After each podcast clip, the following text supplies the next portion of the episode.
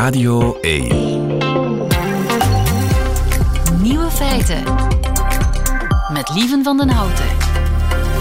Dag en welkom bij de podcast van Nieuwe Feiten, geïnspireerd op de uitzending van 26 juni 2023. In het nieuws vandaag dat de meest iconische brillendrager ooit is verkozen. Een Britse optiekketen vroeg aan 2000 mensen wie die titel zou verdienen.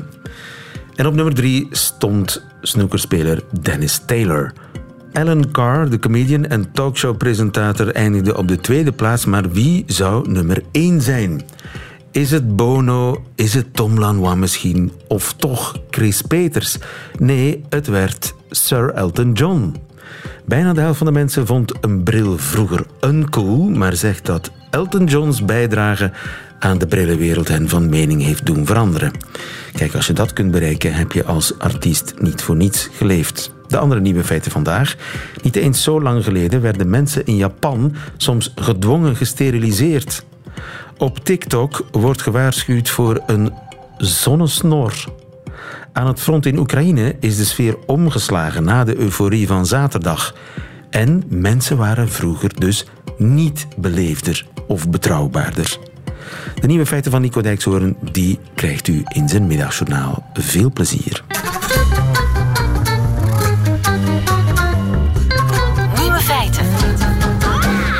Een opera toch, hè? Zaterdag in eh, Rusland. Het was de kortste Wagner die ik ooit gezien heb, zei iemand op Twitter. Maar hoe reageerden ze aan het front in Oekraïne? Sander van Horen, goedemiddag. Hey, lieve. Sander, jij bent in de buurt van dat front. Hoe keken ze daar naar de opstand in Rusland zaterdag? Nou ja, dat leedvermaak wat jij eh, signaleert met, die, eh, met Wagner, d- dat, dat was wel iets wat zaterdagochtend in elk geval in heel Oekraïne en dus ook aan het front eh, leefde. Eh, echte gedachte. En president Zelensky die, die verwoordde het ook in een tweet. Van, kijk, als je inderdaad eh, eh, dit zaait als zijnde Vladimir Poetin, dan is het ook wat je kan oogsten. En ehm, die, dat leedvermaak, dat, dat zag je in memes, dat zag je in hoe mensen meteen eh, op Twitter gingen. En eh, dat, dat vertaalde zich dus in een hoop die eh, enorm was. Misschien zelfs wel een beetje tegen beter weten in. De hoop dat dit een kantelpunt in de oorlog zou betekenen. Maar goed, dat was zaterdagochtend. Ja, eh, ze dachten echt, eh, Poetin valt, Prigozhin komt aan de macht en wil snel een einde maken aan de oorlog. Dat- was dat echt de gedachte? Dat was een van de gedachten. Je, je zag er vele hoor. Van, van, van inderdaad heel optimistisch. En dan mi- misschien niet Prigozhin die aan de macht komt. Maar dan toch in elk geval iemand anders dan Poetin. Eh, waarbij ik dan vraag van ja, maar ehm, is dat dan niet het risico dat dat veel erger wordt dan Poetin? Want dat lees je ook wel eens. Dat er nog veel hardline mensen eh, eh, in de coulissen staan. Nou ja, dan is hier toch de gedachte erger dan Poetin. Dat kan niet. Dus eh, eh, alles is beter dan Poetin. Dus die gedachte die hoorde je wel. Maar het, het, was ook de gedachte dat bijvoorbeeld wat Prigozhin zegt, namelijk dat eh, deze oorlog niet begonnen is om Oekraïne te bevrijden, om het eh, vermeende nazisme hier eh, de kop in te drukken. Nee, zei Prigozhin, deze oorlog is begonnen om de minister van Defensie en de stafchef van het, van het leger, om die zeg maar, te laten scoren. Dus we zijn erin gelummeld, is de lijn van Prigozhin. En de hoop was misschien dat in elk geval de gemiddelde Rus... of de gemiddelde eh, Russische militair die aan het front vecht... dat die die gedachte een beetje meekrijgt en begint te twijfelen. Of dan toch in elk geval dat er verwarring ontstaat... waar Oekraïne zijn voordeel mee kan doen. Dus er waren allerlei scenario's van meer of minder optimistisch... die ja, in de hoofden van de gemiddelde Oekraïner eh, rondgingen. Ja. En, en daar, daar is dus nou ja, dezelfde dag en zeker eh, één en twee dagen later is daar weinig meer van over. Ja, dat was een emotionele rollercoaster in de hoofden van de gemiddelde Oekraïner. Maar hoe zit het aan het front zelf? Was het een soort signaal om te zeggen aanvallen? Nu is het moment. Ze zijn, ze zijn zelf in chaos in Moskou, dus nu moeten we doorstoten. Nou, dat is met een westerse blik, en die heb ik ook natuurlijk, is dat heel makkelijk om te denken. Hè? Van oké, nu eh, ga je, ga je voorwaarts en eh, eh, ga je kijken of die verwarring er inderdaad is. Of er inderdaad nou ja, de gemiddelde militair in de Russische loopgraven meer op zijn Twitter-account of zijn Telegram-account zit dan door een vizier aan het turen is. Maar ten eerste, dat front dat is enorm lang. Dat loopt van de provincie Kharkiv tot de provincie Gerson. Dat is meer dan duizend kilometer lang. Dus waar ga je drukken? En dat drukken, dat gebeurt natuurlijk al aan de lopende band. Oekraïne is de afgelopen weken bezig om op verschillende punten Ehm, te kijken waar de verdediging van de Russen het zwakst is. Want die verdediging hebben ze enorm opgebouwd in de afgelopen maanden en het afgelopen jaar. Uh, dus, dus dat is een proces wat niet opeens dit weekend begonnen is. En misschien zelfs dit weekend niet eens in een stroomversnelling uh, is geraakt. En het is ook liever niet alleen aan het front. Het zijn natuurlijk ook de inlichtingendiensten die hun werk doen en proberen te kijken uh, via wat er op social media gebeurt, wat er door soldaten geappt wordt. Waar de verwarring het grootst is. En hoe geavanceerd dat misschien wel is, daar hebben wij geen zicht op. Maar een tipje van de sluier werd ook rondom Prigozhin opgelicht. Dat kennelijk de Amerikanen al op woensdag vorige week op de hoogte waren van het feit dat er zoiets zou gaan gebeuren. Dat betekent dus dat zij eigenlijk misschien wel heel goed weten wat er achter die frontlinies aan de Russische kant gebeurt. En ga er maar vanuit dat ook dat nu wordt ingezet om te kijken, kunnen we hier, nu het stof is neergedaald, nu uh, de laatste noten van de Wagner-opera geklonken hebben, kunnen we hier alsnog ons voordeel mee doen? Ja, en uh, is er kans ook dat precies het omgekeerde gebeurt? Dat nu Poetin, uh, nu iedereen twijfelt aan zijn positie, uh, keihard wil bewijzen dat hij er wel degelijk nog stevig in het zadel zit? Nou, daar gaan ze hier vanuit. Dus de vraag is niet of, de vraag is hoe en wanneer. Want uh, hier kennen ze Poetin niet als een rationele actor... waar wij in Europa nog steeds hem misschien wel uh, uh, toe in staat zien. Hier zien ze hem als die ja, irrationele machtswellusteling... die dus inderdaad nu zichzelf in een hoek gedrukt ziet. linksom of rechtsom die Wagner-troepen die bleken gewoon zomaar naar het noorden te kunnen rijden, richting Moskou. Wat doet dat met het, uh, de status van Poetin? En op het moment dat een kat, laat staan een leeuw, laat staan een gewonde leeuw in het nauw zit, ja, dan gaat hij uithalen. En hoe doet hij dat? Nou scenario's ook weer hier. Van, van, van heel zwartgallig tot iets minder zwartgallig. Um, wat je hier hoort bijvoorbeeld is de gedachte... oké, okay, uh, Prigozhin die is nu verbannen naar Belarus. Stel dat hij een groot aantal van zijn troepen, van zijn mannen mag meenemen. Ja, die gaan daar niet achter de wodka zitten. Die gaan willen vechten. Dus moet Kiev zich dan weer zorgen maken. Tot Oké, die uh, uh, mannen van Wagner die komen dus voor een deel in, worden die ondergebracht in het normale Russische leger. Dat zijn geharde vechters. Moeten we ons dan meer zorgen gaan maken? Tot hij zal nu een statement willen maken door bijvoorbeeld dat ongeluk te saboteren, te veroorzaken in de kerncentrale van Zaporizhia. Allerlei scenario's hoor je, die hoor je op straat, die lees je van Oekraïnse analisten. Feit blijft liever, net zoals jij en ik. We tasten in het duister. een idee. We ja, tasten we allemaal in het, duister. Maar in ieder geval, de hoop van zaterdag is uh, niets meer over in Oekraïne. Dank je in elk geval. Ja. Dankjewel, Sander van Horen, en houd daar veilig. Zeker. Nieuwe feiten. De mensen waren vroeger toch vriendelijker en betrouwbaarder, of niet soms? Ja, Sander hier in de studio, de technicus, die weet het niet, maar ik denk dat de meeste mensen denken dat het inderdaad klopt. Maar is dat ook zo? Dat is in Amerika onderzocht. Tom Beckers, goedemiddag. Goedemiddag, dag Lieven. Je bent uh, professor cognitieve psychologie aan de Universiteit van Leuven. Nog altijd. En het zijn inderdaad Amerikaanse collega's van jou die die kwestie grondig hebben onderzocht. Het lijkt me niet simpel om te onderzoeken of de mensen vroeger wel degelijk vriendelijker en betrouwbaarder waren. Nee, nee, helemaal niet. Maar, maar het, het sentiment is natuurlijk wel wijdverspreid. Hè, dat er geen fatsoenlijke mensen meer zijn. Um, kijk naar Trump, Bolsonaro, Poetin, de politiek, Epstein, Weinstein. Overal lijkt het moreel verval welig te tieren. En, en, het lijkt ook dat mensen gewoon vroeger vriendelijker en hoffelijker waren. Het politiek bedrijf verruwt. Kortom, het gaat bergaf met normen en waarden. Hè. Geen hoffelijkheid meer. Um, een woord is geen woord meer. Dat ja. denken we toch. En die psychologen die wilden inderdaad eens kijken van wat is daar nu eigenlijk van aan? En hoe hebben ze dat aangepakt? Ja, ze zijn niet over één nacht ijs gegaan. Zoals je al zei, ze hebben heel grondig werk geleverd. Eerst zijn ze op zoek gegaan in een heel grote database met resultaten van opiniepeilingen en volksbevragingen uit het verleden. Je moet weten, zeker in de Verenigde Staten, zijn er een aantal grote onderzoeksbureaus die op gezette tijden bevragingen doen naar politieke overtuigingen, meningen bij grote groepen mensen. Groot en divers genoeg om representatief te zijn voor de hele samenleving. Dan gaat het over, over instellingen zoals het, het Pew Research Center, Gallup en dergelijke. Een beetje te vergelijken met iets als Di Marzo bij ons. En in, in dat soort van peilingen wordt typisch niet enkel gevraagd of mensen zich links of rechts situeren op het politieke spectrum en op wie ze denken te zullen stemmen bij de volgende verkiezingen, maar ook wat in hun ogen de belangrijkste maatschappelijke uitdagingen zijn van het moment en hoe ze denken over een aantal thema's. En vaak zit daar ook wel één of andere vraag tussen, of meerdere vragen, die op een of andere manier betrekking hebben op normen en waarden. Zoals Denk je dat in de afgelopen decennia onze samenleving minder eerlijk en ethisch geworden is, eerlijker en ethischer geworden is, of min of meer hetzelfde is gebleven?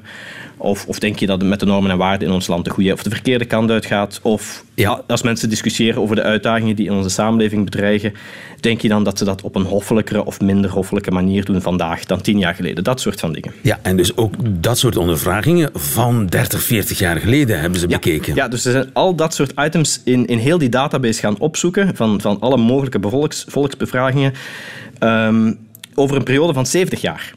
70 jaar? Ja, dus ze hebben 177 verschillende van dat soort vragen gevonden, die in totaal zijn voorgelegd aan eh, iets van een 220.000 Amerikanen tussen 1949 en 2019. Oké. En wat blijkt, voor zo'n 85% van die items geeft de meerderheid, en vaak de grote meerderheid van de ondervraagden aan, dat het de verkeerde kant uitgaat. Vroeger was het beter. Vroeger was het beter. Vroeger waren we allemaal hoffelijker, beleefder, eerlijker, aangenamer. En wat blijkt ook, het maakt niet uit in welk jaar die survey was afgenomen, of je dat nu vroeg in 1949, in 1975 of in 2019. Het relatieve aantal mensen dat aangaf dat het bergaf ging met de normen en waarden in de maatschappij was altijd ongeveer hetzelfde. Dat blijft constant. Het aantal mensen die vindt dat het vroeger beter was, blijft Zolang constant. als het er al gevraagd wordt, geven mensen in dezelfde mate aan dat we er op moreel vlak op achteruit gaan. Ja, en ja, eerlijk gezegd, ik herinner mij mijn ouders dat ook zeggen hè, vroeger. Ja, ja, zeker. Het fenomeen is, is duidelijk ook niet beperkt tot Amerikanen, voor alle duidelijkheid. In een volgende stap gingen die auteurs dan ook op zoek naar soortgelijke data uit andere landen. En ze vonden opnieuw in die hele database 58 items, voorgelegd aan in totaal zo'n 350.000 deelnemers uit bijna 60 landen. Tussen 1996 en 2007, dus het was een iets kortere periode en ze moesten hier en daar ook wel toegevingen doen qua representativiteit van de steekproef. Uh, dat was niet overal even hard in orde. Maar de bevindingen waren wel heel erg gelijkaardig. Opnieuw, voor meer dan 85 tot 80 procent van de items gaf een meerderheid van de ondervraagden over de hele wereld aan dat ze de indruk hadden dat de samenleving achteruit boerde in eerlijkheid. Maar dan hebben we het dus over de gevoelens van de mensen, de perceptie daarvan, hebben ook enig idee van de werkelijkheid? Ja, dat is een goede vraag. Hè. Um, die auteurs beseffen natuurlijk zelf, ja, dit is, dit is perceptie. Um, dus de vraag is dan, eh, beantwoord dat ook ergens aan. Klopt dat, uh, klopt dat ook? Er zijn um, toch zoiets als uh, criminaliteitscijfers en zo, dat, die hebben ja. we toch ook? En als je daarvoor, daarnaar gaat kijken, um, dan, dan dan kan je dat inderdaad in ieder geval niet, niet staven. Um, als je kijkt naar objectieve indicatoren voor moraliteit, bijvoorbeeld uh, veroordelingscijfers voor moord en verkrachting, die nemen wereldwijd af, uh, niet toe. En, en al dat soort van objectieve indicatoren geven aan dat we eigenlijk onze medemensen veel beter behandelen dan onze voorouders ooit gedaan hebben. Dus uh, de, de, objectieve cijfers geven zelfs het tegendeel aan. In zekere mate. Nu, dat sluit natuurlijk niet uit dat, dat in, in Um, op sommige plaatsen. Qua hoffelijkheid en vriendelijkheid, ah, ja. dat, dat in een dagdagelijks intermenselijk contact achteruit zou kunnen gaan. Dat is minder makkelijk te objectiveren. Maar opnieuw zijn die auteurs dan maar teruggegaan naar die database met al die polls. En daarin kan je wel wat aanwijzingen weer opnieuw vinden, omdat mensen ook vaak gevraagd werd of ze in het afgelopen jaar overvallen waren bijvoorbeeld, of, of ze zelf in de afgelopen twaalf maanden een onbekende hadden geholpen met het dragen van boodschappentassen, het oversteken van de straat, mm -hmm. dat soort dingen. Of ze zelf uh, de dag dat ze ondervraagd werden um, hoffelijk behandeld waren en dat soort van dingen. En dus opnieuw, ze vonden 107 relevante items in die hele database, voorgelegd deze keer aan meer dan 4 miljoen mensen tussen 1965 en, 19, en 2020. En wat blijkt, mensen geven al decennia lang vergelijkbare antwoorden op dat soort vragen, die gewoon okay. peilen naar het morele gehalte van hun tijdgenoten en van zichzelf. Dus daar zit geen beweging in en het maakt opnieuw niet uit in welk jaar dat je dat Ah ja, dus over de, de, de voorbije maand zijn er geen klachten, maar in het algemeen vroeger was het beter. Als je vraagt nu, hoe moreel zijn mensen nu? Als je dat nu vraagt, of je vroeg het 50 jaar geleden, krijg je dezelfde inschatting. Maar als je mensen vraagt, waren mensen vroeger beter, dan zeggen ze allemaal ja. Gek, dus, hè? dus we zien allemaal een moreel verval, maar het is eigenlijk een illusie. Het heeft geen basis. En is daar een verklaring voor? Wel, dat is dan de vraag. De auteurs schuiven er in ieder geval wel een mogelijke verklaring voor naar voren.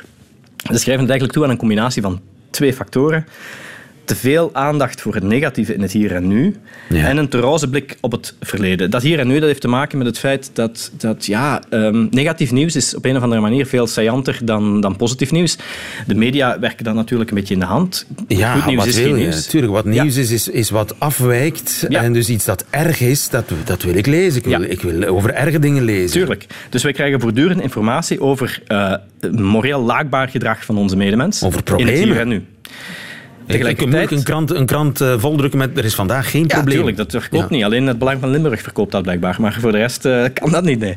Ehm, tegelijkertijd werkt ons geheugen zo dat het de neiging heeft om de positieve dingen uit het verleden levendiger te herinneren dan de negatieve. Dus Aha. we romantiseren ons verleden een beetje. En we vergelijken dat geromantiseerde beeld met een overdreven negatief beeld van de wereld vandaag. Ja, dat, dat, eh, tel dat bij elkaar op en je krijgt natuurlijk een constante illusie van moreel verval. Ja, inderdaad. In mijn herinneringen zijn eh, de zomers van vroeger prachtig. Ja. Probleemloos. Inderdaad. Eén lange roze droom. Ja, ja, en dat doen we dus ook met het gedrag van, van andere mensen. En, en dat is allemaal een beetje speculatief. Maar, want ja, die file en zo, die, waar we in, die eindeloze file waar we in gezeten hebben, dat leed van, van 20 jaar geleden, dat is al lang vergeten. dat is lang vergeten, natuurlijk. Ja. Dus dat, dat eh, beïnvloedt ons wel in het hier en nu, maar eh, niet op de lange termijn. En zo komen we aan zo'n bias. En de auteurs ehm, geven daar wel wat aanwijzingen voor dat, dat, dat die verklaring zou kunnen kloppen. Als je bijvoorbeeld mensen vraagt ehm, om te vergelijken tussen nu en het jaar dat ze twintig waren, dan hebben ze de indruk dat het moreel achteruit is gegaan. Het jaar dat ze geboren waren ook. Maar als je ze ook vraagt naar twintig jaar voordat ze geboren waren, of veertig jaar voordat ze geboren waren, dan, dan blijft het daar constant. Dus Ah, ja. het, het morele verval zet voor ons allen in in het jaar dat we geboren zijn. Ja, merkwaardig. Merkwaardig. Merkwaardig, inderdaad. Ja. En het is allemaal niet heel erg... Het is allemaal niet irrelevant. In die zin, eh, de auteurs geven ook aan... Ja, kijk, dit- eigenlijk is dit wel een belangrijk fenomeen. Eh, het is nogal onder, onder de radar gebleven tot nu toe. We hebben allemaal dat idee wel van moreel verval, maar dat dat eigenlijk nergens op gebaseerd is, is nooit goed onderzocht.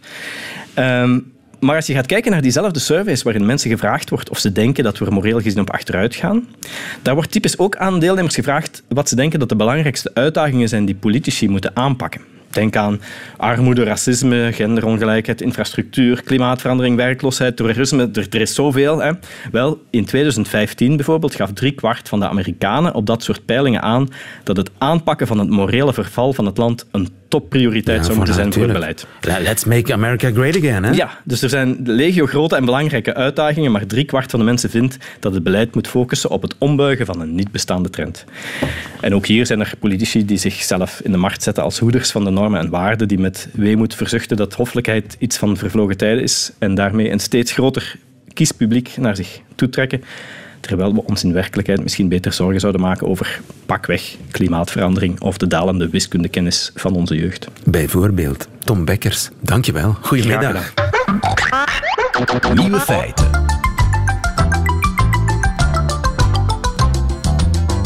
Een zonnesnor. Kent u een zonnesnor? Op TikTok wordt er volop voor gewaarschuwd. So in the summertime, I get these freckle mustaches here. I guess they're called sun mustaches. It's hyperpigmentation right around the lip line that looks like a mustache and it's not cute. I know someone out there knows how to cover up a sun mustache. If you do, let me know. Ja, let me know. Ik denk dat het over de hele wereld een probleem is. Die eh eh, sunstash of eh, zonnesnor. Jan Gutermoet, goedemiddag. Goedemiddag. Dermatoloog van, eh, van het UZ in Brussel. Op TikTok staat heel veel medische onzin, dat weet ik.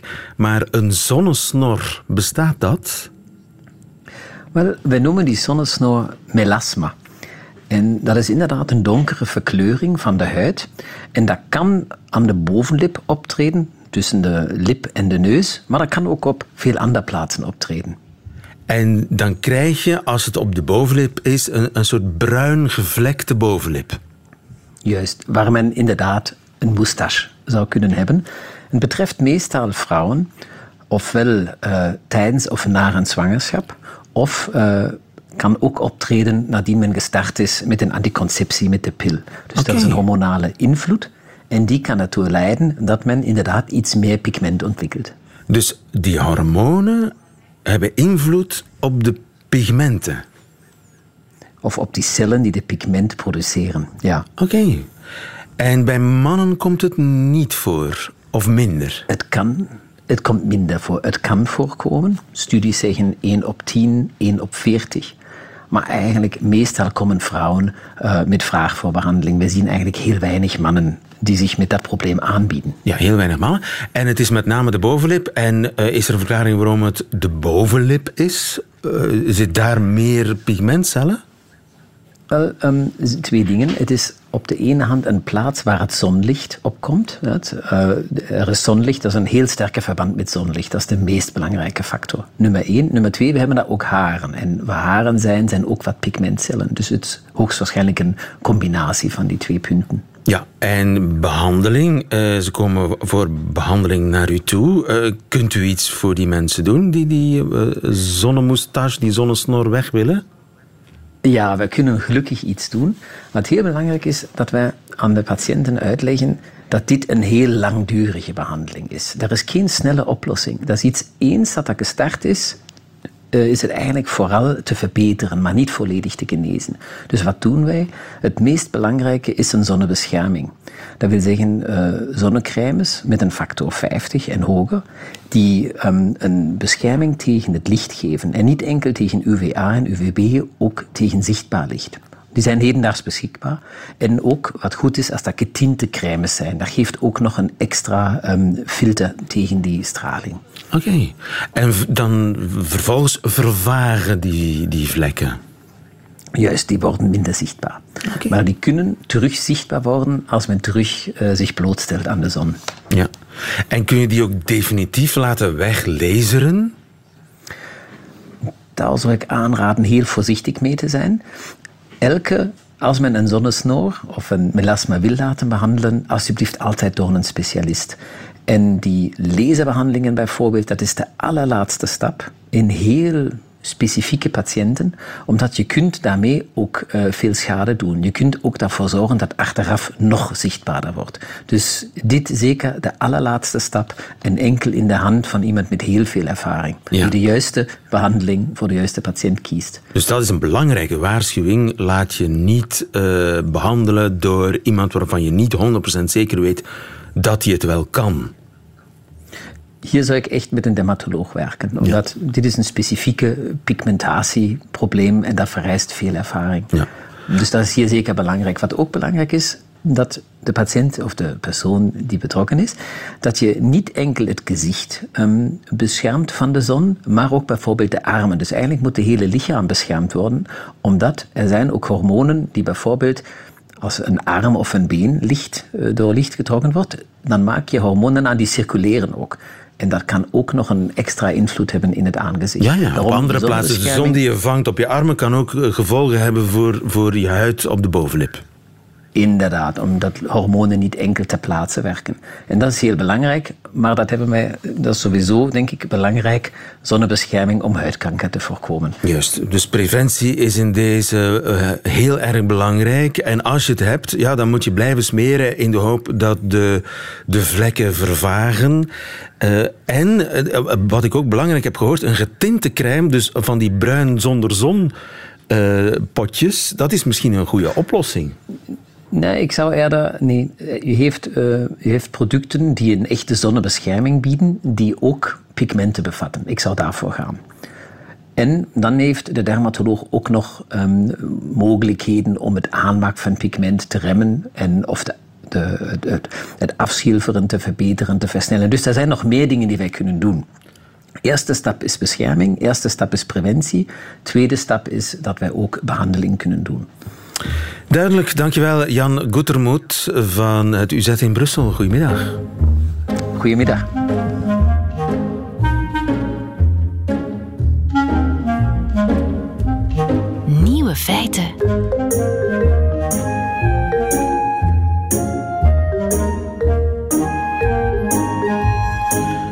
Tienduizenden Japanners die zijn gedwongen gesteriliseerd. En dat is niet eens zo lang geleden. Dimitri van Overbeke, goedemiddag. Goedemiddag, lieve. Dimitri, je bent hoogleraar rechtssociologie aan de Universiteit van Tokio. Ik uh, bel jou in Japan.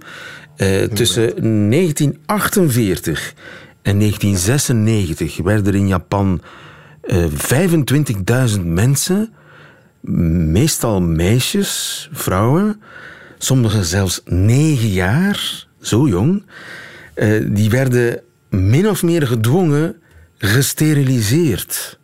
Ik schrik daarvan. Ja, die, ja, ja ik, ik ben daar ook van uh, geschrokken. 25.000 uh, gevallen bekend en ook 60.000 abortussen, ook heel deels verplicht gedaan uh, van, van ja, jonge kinderen die dus niet de mogelijkheid hadden om zich daartegen te verzetten. En, en dat is nu een groot schandaal in Japan. En, en, men heeft een parlementaire commissie gevraagd om daar een rapport over te schrijven. En dat is eigenlijk net gepubliceerd. Ja, en het is dat onderzoeksrapport, de resultaten van dat onderzoeksrapport, die, ja, waar veel mensen van schrikken, ook in Japan. Terwijl het wel legaal gebeurde. Ja, het was een wet van uh, 1948 en uh, het was perfect mogelijk om een, een, provinciaal, een provin provinciale commissie um, te vragen om uh, of dat het opportun was om bijvoorbeeld iemand te laten steriliseren. En dan had die persoon ook geen verweer.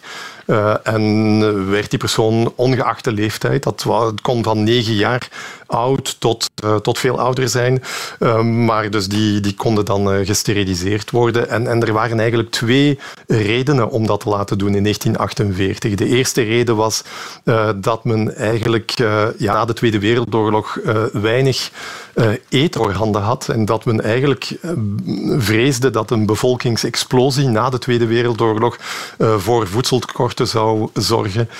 En men vond dat men daardoor, als er dan toch uh, kinderen geboren zouden worden, dat men dan enkel de gezonde en de sterke kinderen uh, moest selecteren. En dat was eigenlijk de achtergrond van, ja. van die wet in 1948. Ja. Toch een soort rasveredeling, om het met een heel lelijk ja. woord te zeggen.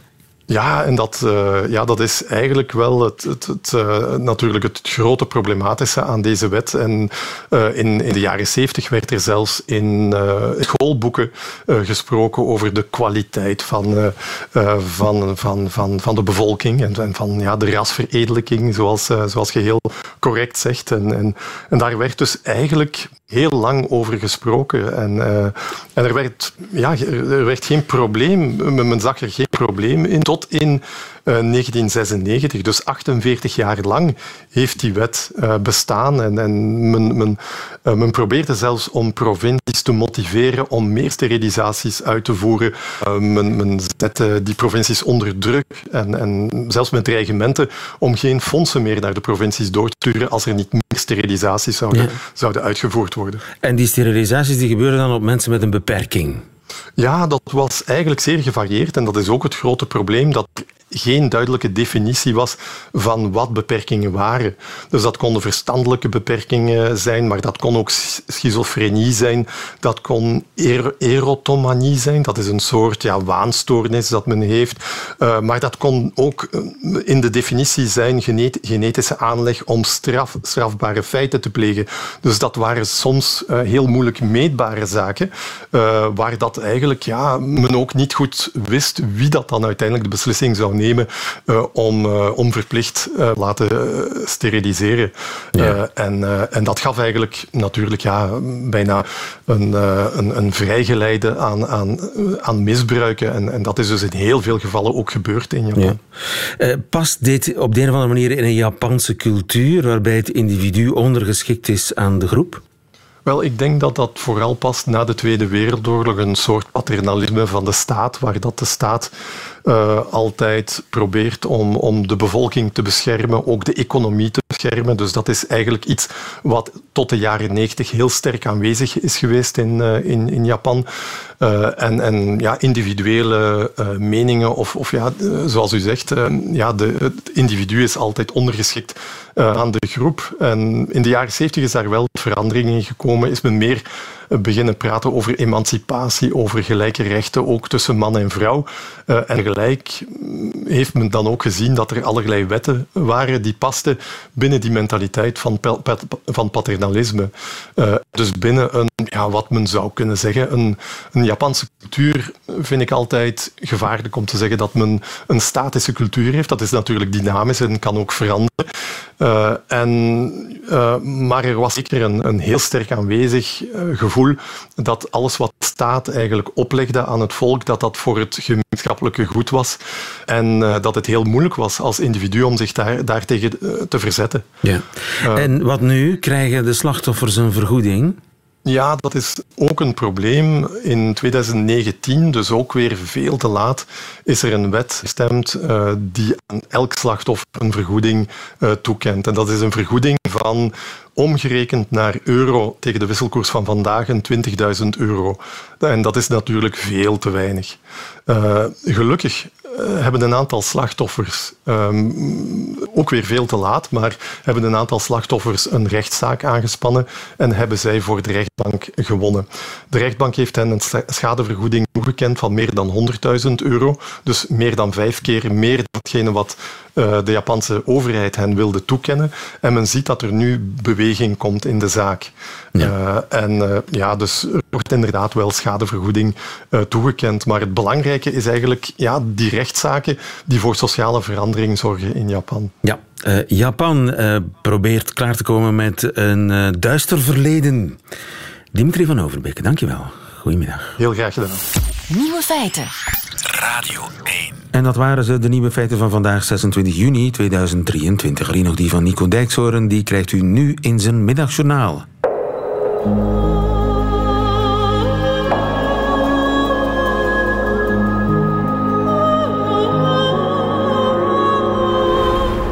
Beste luisteraars. Ik ben denk ik de laatste mens op aarde die vindt dat je in volstrekte afzondering, met geblindeerde ramen en een grommende hond achter je deur, naar muziek moet luisteren. En dan bedoel ik ook echt luisteren. Dus niet verkleed als geile verpleegster 34 uur erover doen om van Antwerpen naar Werchter te reizen, om daar met een spandoek boven je hoofd, op de schouders van je vriend, aan de rest van het publiek te laten zien dat je alle woorden van een liedje mee kunt zingen, maar nee, echt luisteren. Het zal mij nooit gaan lukken om naar een band te luisteren met 30.000 gekkies om mij heen die thuis allemaal een grappige tekst op een stukje karton hebben geschreven om zo de aandacht van de artiest op het podium te trekken. Zou ik tussen al die zwetende oksels of Werchter naar Harry Styles hebben staan luisteren, dan zou ik heel misschien wel iets op een stuk karton hebben geschreven. Ik denk dat ik dan deze tekst omhoog zou hebben gehouden.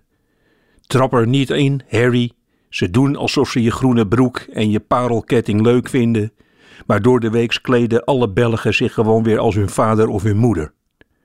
Ik ben één keer naar Werchter geweest en ik herinner mij dat ik halverwege de kilometerslange wandeltocht naar het festivalterrein opeens al het leven uit mijn lichaam voelde vloeien.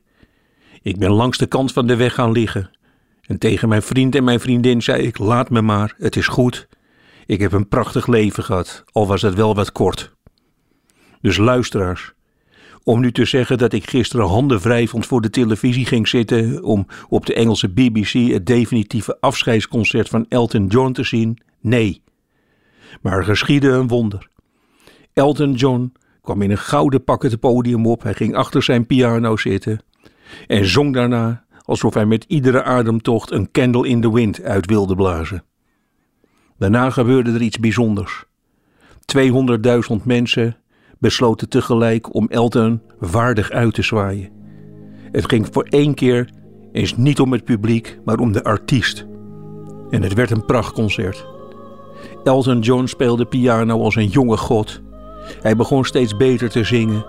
De muzikant om hem heen herkende het moment. En na bijna twee uur spelen ging ik midden in mijn kamer staan en riep ik keihard: I'm still standing. Luisteraars, natuurlijk, popfestivals blijven een kwaad dat moet worden bestreden. Maar Elton John lukte gisteren het onmogelijke. Hij zong en het publiek vlak voor hem begreep voor één keer dat het nu eens even niet om hun schrale leventje ging.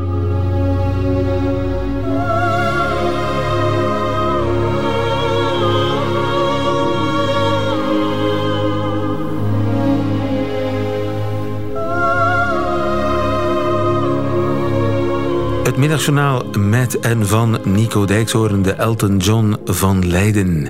Meteen het einde van deze podcast hoort u liever de volledige nieuwe feiten met de muziek erbij. Dat kan natuurlijk elke werkdag live tussen 12 en 1 op Radio 1 of on demand via de Radio 1 website of app. Tot een volgende keer.